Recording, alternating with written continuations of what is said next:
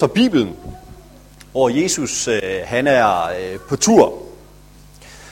Og øh, så kommer han til et sted, han har været nogle gange før. Og det, der er sket lige inden, det er, at Jesus han har været i den her by, og det er Jesus, det er ham her. Det er fordi, Jesus, det er ham lægen, han er sådan en, øh, ja, det hedder vel stetoskop eller sådan et eller andet. Det er sådan en, man sætter på her, så kan man høre, om hjertet det nu også fungerer rigtigt. Jesus han er ude at sejle med sine disciple. Disciplene, det er dem med de røde kasketter. Og øh, vi leger et bord, det er en sø. Og så sejler de over til den anden side af søen herover. Og herover der er de sådan lige ganske kort tid, måske en enkelt dag, måske kun nogle timer. Øhm. Og så herover på den anden side af søen, der er der en masse mennesker. Og øh, de venter. De laver faktisk ikke andet. De venter. Der står faktisk i Bibelen, at da Jesus han tager afsted, og da han så kommer tilbage, der stod de bare og ventede. Og øh, altså, han havde ikke skrevet brev eller sms'et noget om, at han kom lige om lidt. Det øh, vidste de sådan set ikke noget om. Han var taget afsted, og så havde de nok på fornemmelsen, at han kom tilbage igen, men de vidste ikke sådan rigtig hvornår. Men de står altså og venter på, at Jesus skal komme tilbage igen. Og Jesus han kommer sådan ret hurtigt tilbage igen. Så han sejler over til den her by igen, sammen med disciplene. Og det der så sker, det er, at Jesus han hopper ud af båden sammen med disciplene. Og øh, så er der den her skare, der står og venter. Og Jesus han står her. Og så lige pludselig, så kommer der en mand. Det er ham her. Den her mand, han hedder Jairus.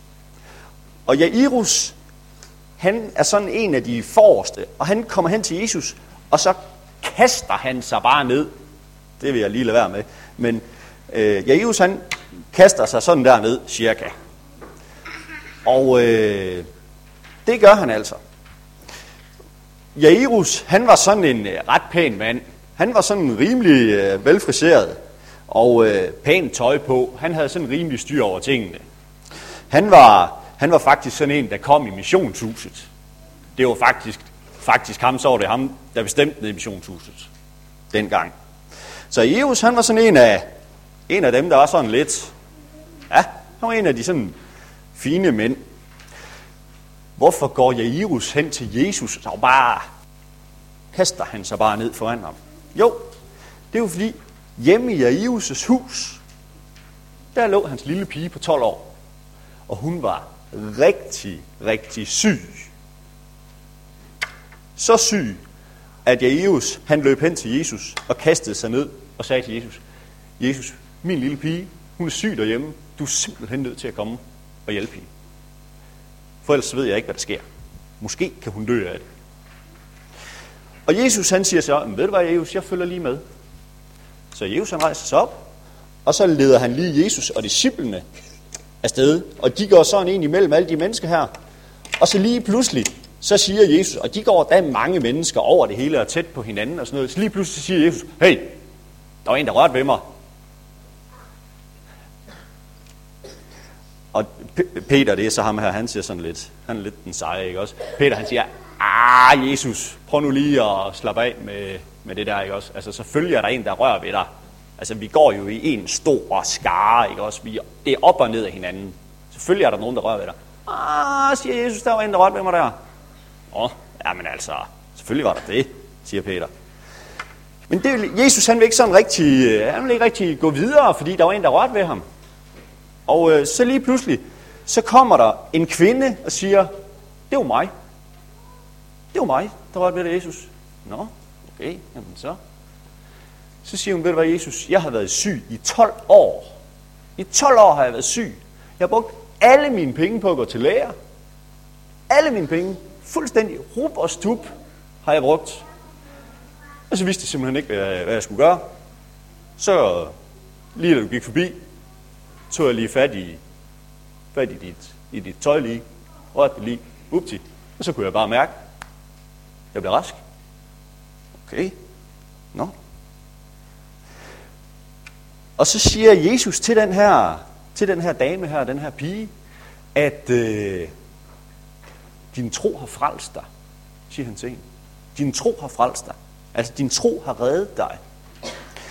Og så siger han bagefter, gå bort med fred. Gå bort med fred. Og øh, så går hun. Og Jesus han går videre sammen med Jairus. Her har vi ham. Han går herover sammen med Jesus og disciplene. De er hjemme i hans hus. Og så på vejen derover, så møder de nogle mennesker.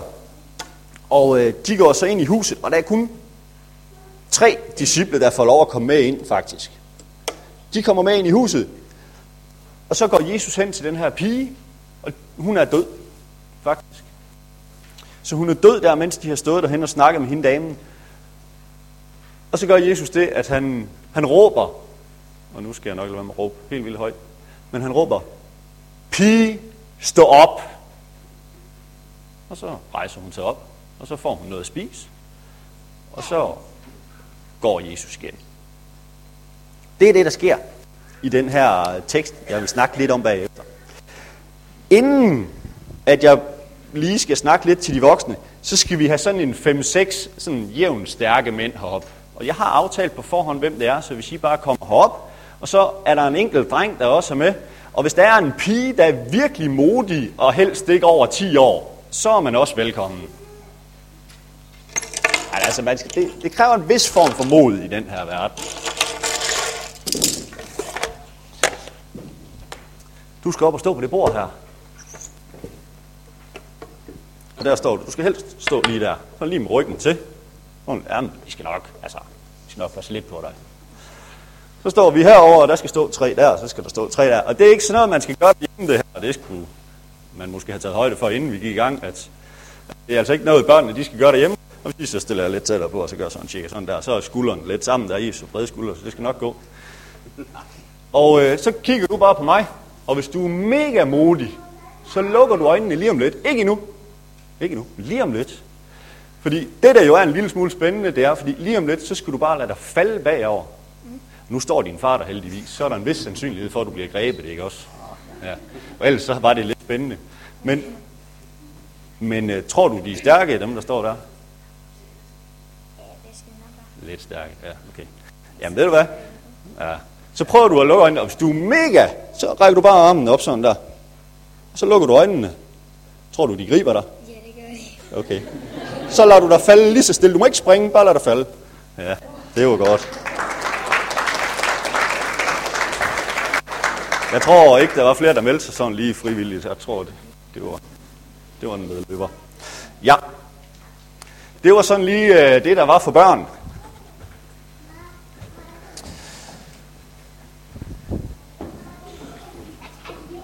Ja.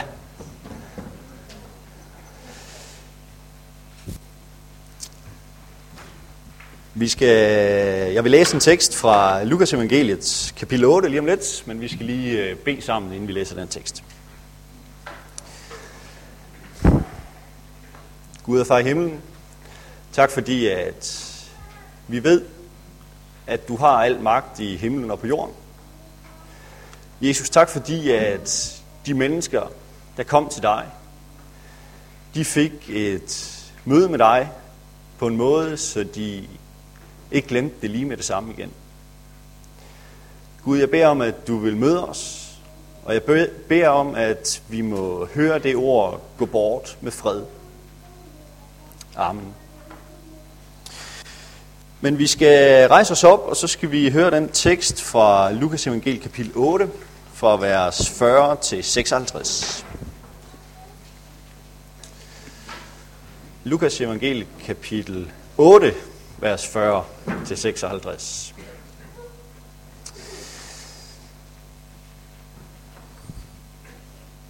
Da Jesus kom tilbage, tog skaren imod ham, for alle havde ventet på ham. Så kom der en mand, som hed Jairus. Han var synagogeforstander. Han faldt ned for Jesu fødder og bad ham om at gå med hjem. For hans eneste datter lå for døden. Hun var omkring 12 år. Mens Jesus var på vej derhen, trængtes skarne omkring ham. Men der var en kvinde, som i 12 år havde lidt af blødninger. Og selvom hun havde brugt alt, hvad hun ejede på læger, kunne hun ikke helbredes af nogen. Hun nærmede sig Jesus bagfra og rørte ved kvasten på hans kappe, og straks ophørte hendes blødninger. Jesus sagde, hvem var det, som rørte ved mig? Da ingen ville være vidne, sagde Peter, Mester, folk trænges jo om dig, og de skubber. Men Jesus sagde, der var en, som rørte ved mig, for jeg mærkede, at der udgik en kraft fra mig. Da kvinden så, at det ikke var forblevet ubemærket, kom hun skælvende frem, og hun faldt ned for ham og fortalte i hele skarens påhør, hvorfor hun havde rørt ved ham, og hvordan hun straks var blevet helbredt. Han sagde til hende, datter, din tro har frelst dig. Gå bort med fred. Endnu mens han talte, kommer der en fra synagogeforstanderens hus og siger, din datter er død. Gør ikke mesteren mere ulejlighed.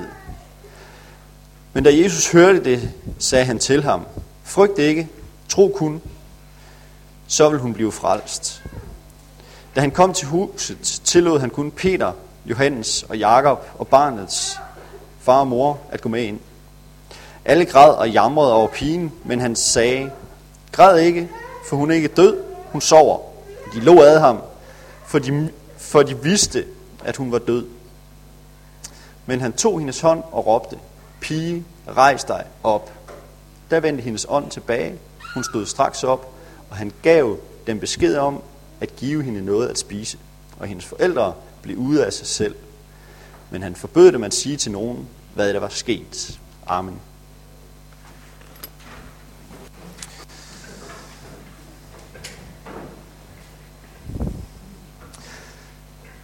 Der sker altid et eller andet bemærkelsesværdigt, når mennesker de møder Jesus. Og der sker også noget bemærkelsesværdigt i den her tekst, og Jesus han siger noget bemærkelsesværdigt. Mennesker møder Jesus. Mennesker møder Jesus, og Jesus siger noget. De får sig en oplevelse, og mange af dem glemmer det aldrig. Her den anden dag på Sæding Efterskole, så kommer der en pige sådan gående løbende. Og øh, hun er sådan helt op at køre. Jeg ved ikke, hvor mange af jer, der er vant til teenagepiger, der er en lille smule op at køre. Jeg kan i hvert fald se en enkelt, der lever med det i hverdagen. Ja, men øh, det er der måske nogen af jer, der har prøvet, og det er lidt bemærkelsesværdigt, det der med sådan teenagepiger, der er en lille smule op at køre. Øh, men når man bliver vant til det, så bliver man vant til det. Men hun kommer altså sådan gående, løbende ned ad lang gang, og hendes kammerater, de står sådan øh, på gangen. Der er måske nogen, der sidder også. Og øh, de kigger jo. Okay. Og snakker måske lidt også. Så er der en, der tager mod til sig og, og sådan halv råber efter hende. Har du fået en kæreste? Og til det svarer hun så tilbage. Nej, nej, det er meget bedre.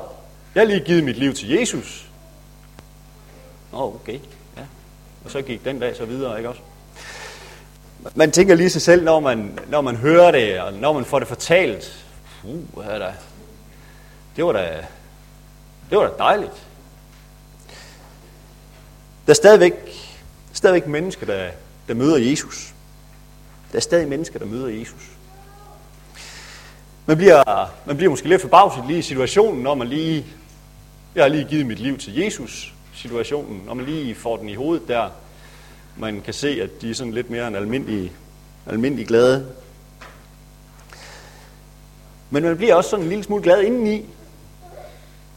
Helt derinde, helt derinde i den nye skabning, hvor Helligånden bor inde. Der slår det sådan lige, lige et ekstra, et ekstra glædes, et ekstra glædespring. Prøv at tænk, der var lige en, øh, der var lige en teenager, der havde givet sit liv til Jesus. Det er måske lidt det, noget af det samme, der sker i dag for de her mennesker. Og Gud, han vil med den her beretning fortælle os noget om mennesker, der møder Jesus og giver deres liv til Jesus. Og Gud vil fortælle dig og mig noget om den magt, han har. Både en magt over døden, men også en magt til at frelse. Jesus, han har været på tur, og så kommer han tilbage til Kapernaum, og de står og venter, de her mennesker. De står og venter på at møde Jesus igen. Når man har mødt Jesus en gang, så venter man på at møde ham igen. Så venter man på at møde ham igen. Man bliver klar over, at man har brug for at møde Jesus igen. Man forventer måske endda at møde ham igen. Jeg vil lige læse øh, et par enkelte bibelvers fra salme 37, fra vers 5, 6, 7, hvor der står, Overgiv din vej til Herren, stol på ham, så griber han ind.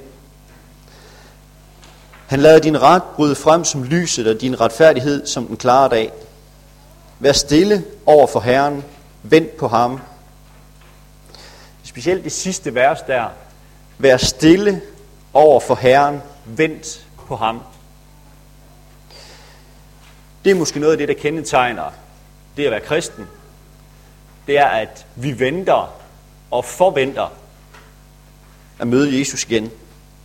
Vent på Jesus. Forvent, at han kommer igen. Forvent, at han snakker til dig igen. Forvent Jesus. I den her by, der havde de ventet. De havde ventet på, at Jesus han skulle komme tilbage, og da Jesus han så kommer, så kommer Jairus og kaster sig ned. En fin mand, en respekteret mand, en mand, der formodentlig har haft styr over sin hverdag, en slags jødisk menighedsleder. Han kommer og kaster sig ned. Vi ved ikke meget om ham, udover at han er, han er synagogeforstander, leder. Men det vi oplever her, det er en far, der melder sig ind i kampen. Den far, der virkelig melder sig ind i kampen her. Og det er bemærkelsesværdigt, fordi de siger noget om at være menneske. De siger noget om at være menneske. De siger noget om at være forældre. Som forældre, der har vi et helt specielt ansvar for vores børn. Og øh, nu er jeg ikke den mest rutinerede forælder herinde, det vil jeg godt røbe. Øh, men jeg er dog forældre og har været det i nogle år. Og med den smule erfaring, jeg har, så har jeg lært øh, en ting, eller to. Og den ene ting, jeg har lært, som er vigtigt, det er rigtig vigtigt, at far er klar. Det er rigtig vigtigt, at far er klar. Hvis far ikke er klar, eller hvis mor ikke er klar, så er det sådan ligesom om, så, så falder det sådan lidt til jorden. Det, det, der er ret hurtig dårlig stemning, hvis far eller mor er i dårlig stemning. Eller hvis far er træt, eller hvis mor er træt eller noget. Det er bare ligesom om, ah, det er bare ikke godt vel.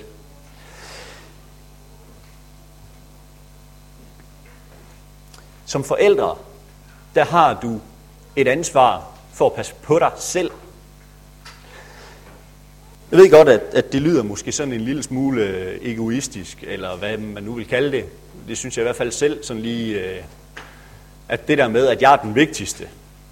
Jeg skal prioritere mig selv først, før mine børn og så videre. Men det er måske, det er måske virkeligheden, at det er vigtigt, at vi som forældre prioriterer os selv først, for at vores børn kan være børn i den familie, vi gerne vil have. Jeg prioriterer som forældre mig selv først, og så prioriterer jeg min familie bagefter. Fordi hvis jeg ikke er den forældre, der er brug for i min familie, så er der slet ikke nogen familie. Jeg prioriterer mig selv først, og så min familie, og så min menighed og mine venner, og så mit arbejde. Det tror jeg måske, der er nogen af os, der godt lige kan overveje en gang imellem, at øh, ligesom få, få det lagt ind i hierarki, hvad det er, jeg skal prioritere først, hvad det er, der er vigtigst, for at øh, min familie, den har det godt. Jeg har prøvet en enkelt gang at være i en familie, ej, det har jeg måske prøvet flere gange, men jeg har prøvet sådan en enkelt gang, der er sådan en situation, hvor jeg tænker ved mig selv, det der, det er jo bare ikke godt. Det er jo bare ikke godt. Og øh, nu kommer jeg til at, at nævne noget om mand, I kender, men det er sådan set ikke negativt, fordi øh, det var ikke negativt. Men jeg tror, I kender Svend Kronborg, og øh, han var syg en gang. Han havde rigtig ondt. Sådan rigtig ondt.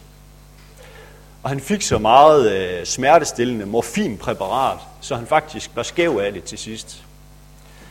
Og øh, det var da en lille smule øh, specielt, sådan som øh, halvstor teenager, at være hjemme, og øh, så, jamen, så der er aftensmad. Og ja, vi skal lige have far ned, ikke? Og han kommer så ned, og de af jer, der kender øh, Svend Rundborg, ved, at han ikke sådan, ja, det er jo ham, ikke også? Og vi sidder så der ved aftensmadbordet, og, øh, og der, da, der har altid været øh, plads til en joke og sådan en, en lidt halvdårlig bemærkning og sådan, og så griner vi jo lidt af det, og drenge. Og mor sidder måske og ryster lidt på hovedet, og far han sidder og smiler lidt og sådan det. Men i den periode der, når der kom en halvdårlig bemærkning eller noget, så kom den ellers fra far.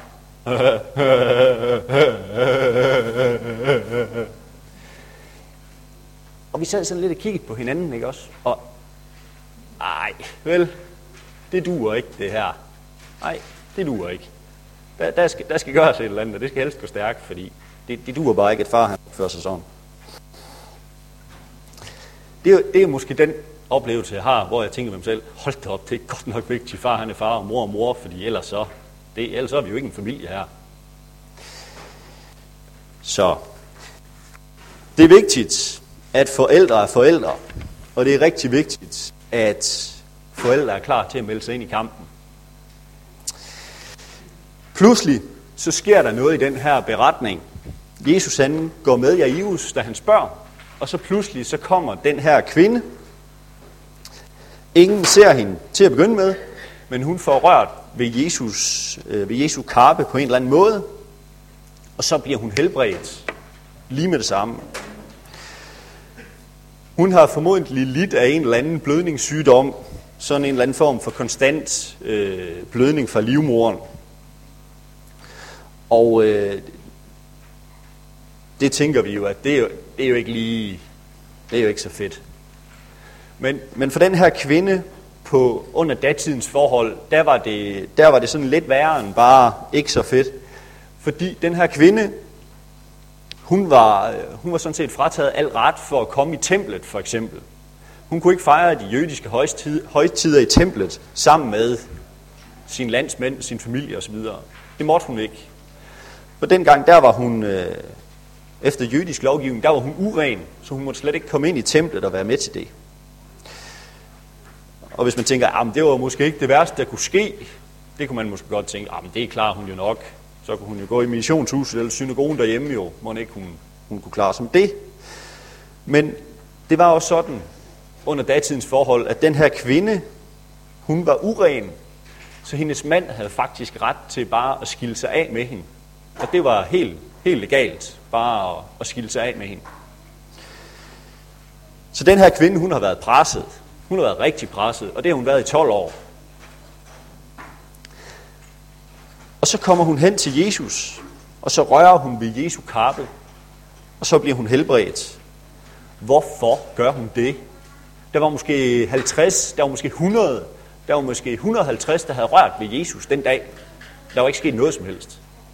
Men hende der, hun bliver helbredt lige med det samme. Havde I sådan en eller anden øh, super kappe på, hvor man tænker ved sig selv, om den kunne sådan lige, øh, den kunne lige mærke, hov, oh, der var en der, hun skulle lige helbredes. Nej, sådan var det ikke. Det var ikke sådan, at, at Jesus han havde sådan en eller anden super kappe, og så blev man lige helbredt, hvis man rørte ved den, hvis man virkelig havde brug for det. Hvis man led af en eller anden sygdom, eller noget psykisk eller noget. Hvorfor bliver hun helbredt? Jesus siger det til hende. Jesus siger til den her kvinde, din tro har frelst dig. Din tro har frelst dig. Og så ved vi jo det. Hvorfor bliver den her kvinde helbredt? Jo, det er fordi, hun har en tro. Og hvad er det for en tro, hun har? Vi skal lige, øh, hvis I vil, så kan I slå op i Hebræerbrevet kapitel 11, vers 1. Det er rart lige at se det igen, så vi ved, at det er der. Hebræerbrevet kapitel 11, vers 1. Der står der et øh, bibelvers. Og det skal vi sådan lige læse, samtidig med, at vi tænker på knægten, der stod heroppe før, og lige lå sig vel bagover. Når vi tænker på den der situation, han står der, Og han rækker lige armene op for lige at give det et ekstra svæv, ikke også? Og så lukker han øjnene, og så spørger jeg lige, tror du, tror du de griber dig? Ja, nå, ned med ham. Prøv at høre. Tro er fast tillid til det, der håbes på, overbevisning om det, der ikke ses. Tro er fast tillid til det, der håbes på, overbevisning om det, der ikke ses. Når han står der knægten, så har han fuldstændig overbevist om, at det kan godt være, at nogle af de andre, de flytter armen, ikke også? Men altså far, han tager mig nok i hvert fald. Og så tager vi turen. Det er han fuldstændig overbevist om. Han håber på det, han ikke kan se, så vi lukker lige øjnene. Og så ned med ham. Den her kvinde, hun har tillid til Jesus lidt på samme måde. Hun har tillid til, at Jesus har magt og kraft, ikke bare til at gribe hende, når hun falder bagover, men hun har tillid til, at han har kraft og magt til at helbrede hende, når hun ligger hen og laver den der. Det troede hun på, og så skete det. Det er fantastisk. Det er lidt ligesom om, at Jesus han vil sige til den her kvinde, du troede på det, og fordi du troede på det, så helbredte jeg dig. Du fik ret. Jeg kan godt. Jeg kan godt.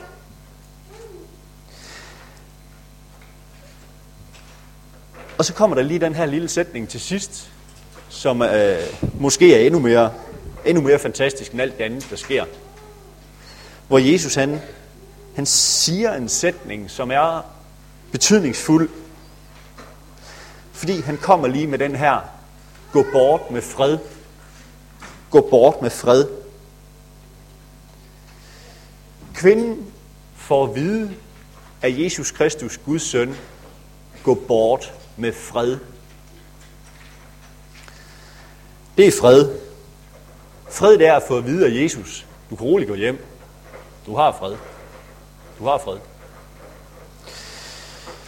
For mange år siden, der så jeg en lille dreng nede i Nørregades missionshus. Jeg ved ikke, om I kan huske, hvordan det var, men det er vi nogen, der kan. Jeg så en lille dreng dernede, og han var dernede sammen med sin mor. Og øh, der var en, en, en taler. Knægten, han har nok været sådan en øh, sådan 6-7 år eller noget. Han gik sammen med sin mor. Og så sker der det, at prædikanten går hen til dem og hilser måske øh, på moren, eller de står og snakker. Jeg kan simpelthen ikke rigtig lige helt huske, hvad det er, der sker. Men jeg kan huske, at, at prædikanten han bøjer sig lige ned, og så henvender han sig lige til den der knægt, og så siger han, hvordan har du det med Jesus? Og man kan bare se i knægtens hoved, at der står bare, pas. Han vil slet ikke, hvad han skulle sige. Han var måske nærmest skræmt. Men øh, det var altså, hvad der skete. Man kunne godt have ønsket sig, at den her knægt, han bare havde lyst op det største smil i hele verden. Og han så havde sagt, jamen ved du hvad, prædikant, Jesus han er min bedste ven, og jeg har fred med Gud. Er det ikke fantastisk? Det kunne man godt have ønsket sig, at han havde sagt, men det gjorde han desværre ikke. Jesus er min ven, og Jesus har givet mig fred med Gud. Prøv at tænk, hvis han havde sagt det. Nå, det var ikke det, der skete, men det var måske virkeligheden. Det var måske virkeligheden, at Jesus var hans bedste ven, og han havde fred med Gud. Din virkelighed er den, at Jesus giver dig fred med Gud. Jeg har fred, fordi Jesus giver mig fred. Jeg har fred i mit sind. Jeg har fred med Gud. Det er det, vi oplever, når vi går til nadver. Du har fred med Gud, fordi Jesus han giver dig sit læme og blod, der renser dig fuldstændig ren for synd. Derfor har du fred. Og det er derfor, det er derfor, du får at vide, når du har gået til nadver. Gå hjem med fred. Gå bort med fred. Du har lige fået det. Du har lige fået søndernes forladelse. Du har lige fået Jesu blod. Gå hjem med fred. Den her kvinde med blødninger. Hun havde hørt om Jesus. Derfor kom hun. Vi har hørt om Jesus. Derfor kommer vi. Modtager en advaring. Vi kommer. Jairus kom. Nikodemus kom. Kvinden kom. Mennesker kommer. De fik et møde med Jesus.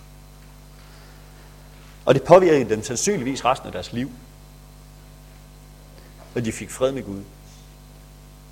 Jesus gav dem fred med Gud. Venter vi på at møde Jesus igen, for at blive mindet om, at jeg har fred med Gud? Venter vi på det? Forventer vi, at Jesus kommer igen og viser mig, at det er virkeligheden?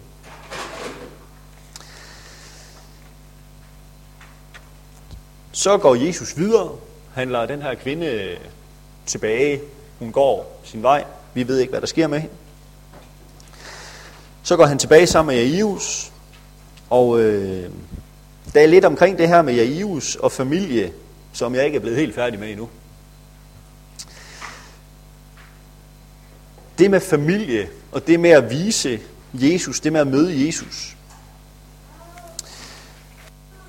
Lige øh, nu og her for tiden, der øh, er der rigtig stor fokus på i øh, kristne medier og blade og hjemmesider og så videre. Der er rigtig stor øh, fokus på at fortælle andre mennesker, der ikke, kender, der ikke kender Jesus på forhånd, om Jesus. Og det er rigtig vigtigt.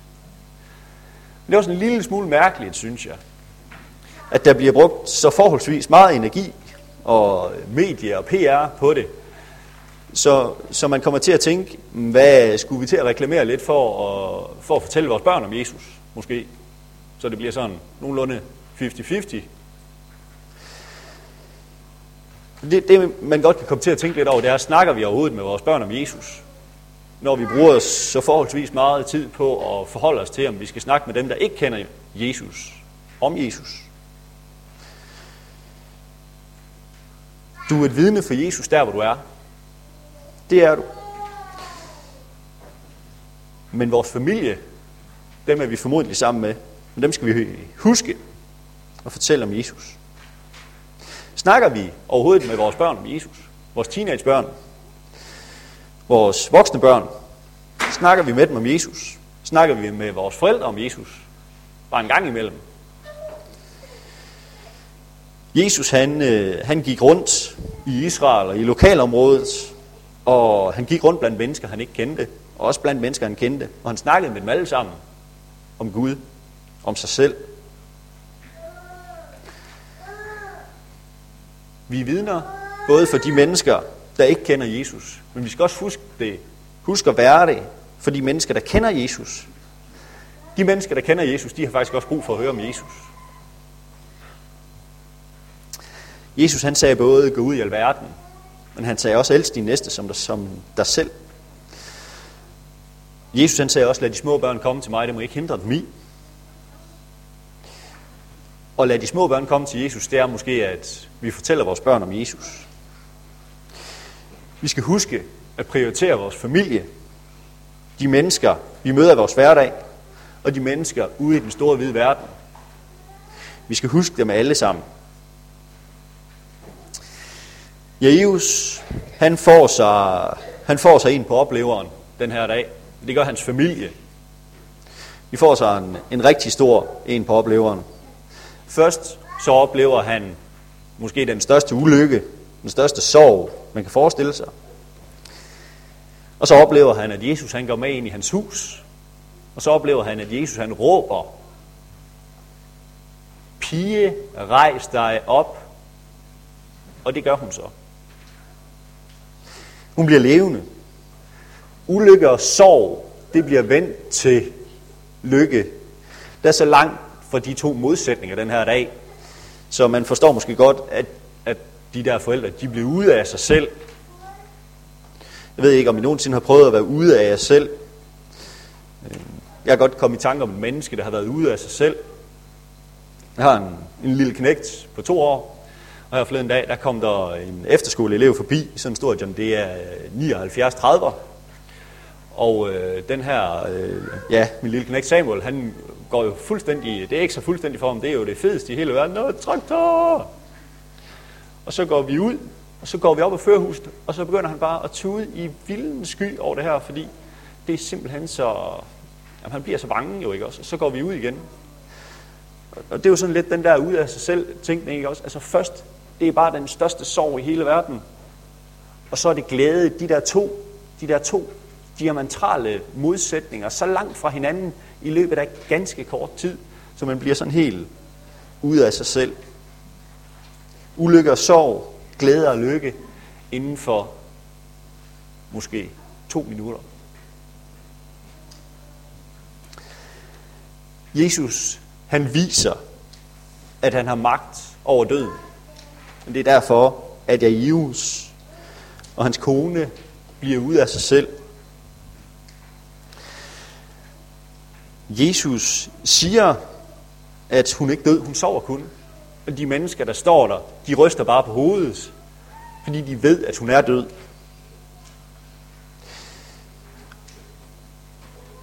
Og hun var død. Men alligevel, så er hun ikke død. Jesus, han har så meget magt, så han kan bare give sig selv ret, fordi det bliver ligesom han siger det. Jesus, han har så meget magt, så han kan give sig selv ret, selvom det strider mod vores logik. Selvom det strider mod, hvad vi mener lige umiddelbart af fakta. Jesus har så meget magt, så han får ret, når han vil have ret. Der er to perspektiver i det her, øh, i at Jesus har magt over døden. Og øh, det ene perspektiv møder vi i den her, den her tekst i dag, og det andet møder vi øh, i en tekst i Jakobs brev, kapitel 1. Fordi Jesus har på den ene side magt over døden, magt til at opvække fra døden.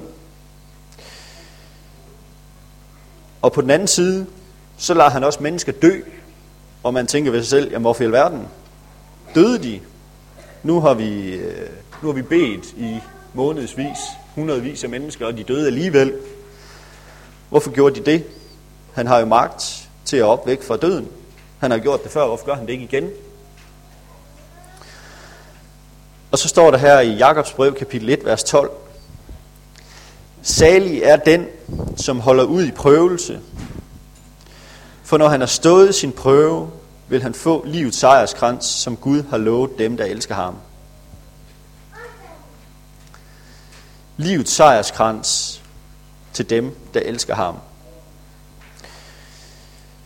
Jeg ved ikke, om I kan huske øh, beretningen om øh, Daniels tre venner, der står ude på den her store, store plads, øh, hvor der står mange mennesker, de skal tilbe den her guldstøtte. Og øh, det nægter de. De nægter at tilbede den der guldstøtte. De bliver bare stående, de kaster sig ikke ned. Og så kommer de op til, kommer de op til kongen, og så siger han til dem, hvis I ikke gør det, så dræber jeg jer. Så bliver I henrettet. I kan se, ovnen er lige derovre. Der ryger I i, hvis I ikke gør det.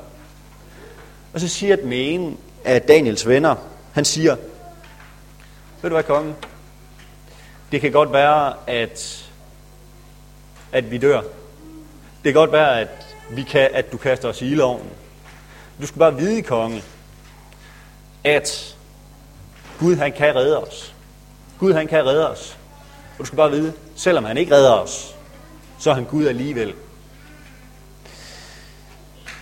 Det er et af de, et af de bedste vidnesbyrd, synes jeg, i Gamle Testamentet. Den der, du skal bare vide, at selvom han ikke gør det, så er han Gud alligevel. Jesus, han kan opvække fra døden. Jesus, han kan også lade være. Han har magt til begge dele. Han styrer begge dele. Men vi skal bare vide, at han har magten, uanset om man gør det eller ej. Og vi ved, at for dem, der dør, som kender Jesus, der venter dem livets, livets sejrskrans. Livets sejrskrans venter dem, der elsker ham. Evigt liv sammen med ham. Jeg tror, der blev snakket rigtig meget i den her lille familie om Jesus. Den her dag, og sikkert også nogle dage efter. Den her lille familie, de har været, de har været mærket. De har været mærket af Jesus. Jesus han er fantastisk. Jesus han er Gud, og Jesus han er magt over liv og død, sygdom. Men det vigtigste er ikke, hvor meget magt han har. Det vigtigste, det er det, han siger til kvinden. Det vigtigste, det er det der med fred. Det vigtigste, det er, at vi har fred med Gud. At vi bare kan lade os falde pladask ned, fordi vi ved, Jesus han griber mig. Det er den fred, jeg har. Jesus han har grebet mig. Jesu blod renser mig for al synd. Jeg får det at vide igen og igen, og det passer hver gang. Jesus, han giver dig fred. Gå bort med fred. Skal vi bede sammen?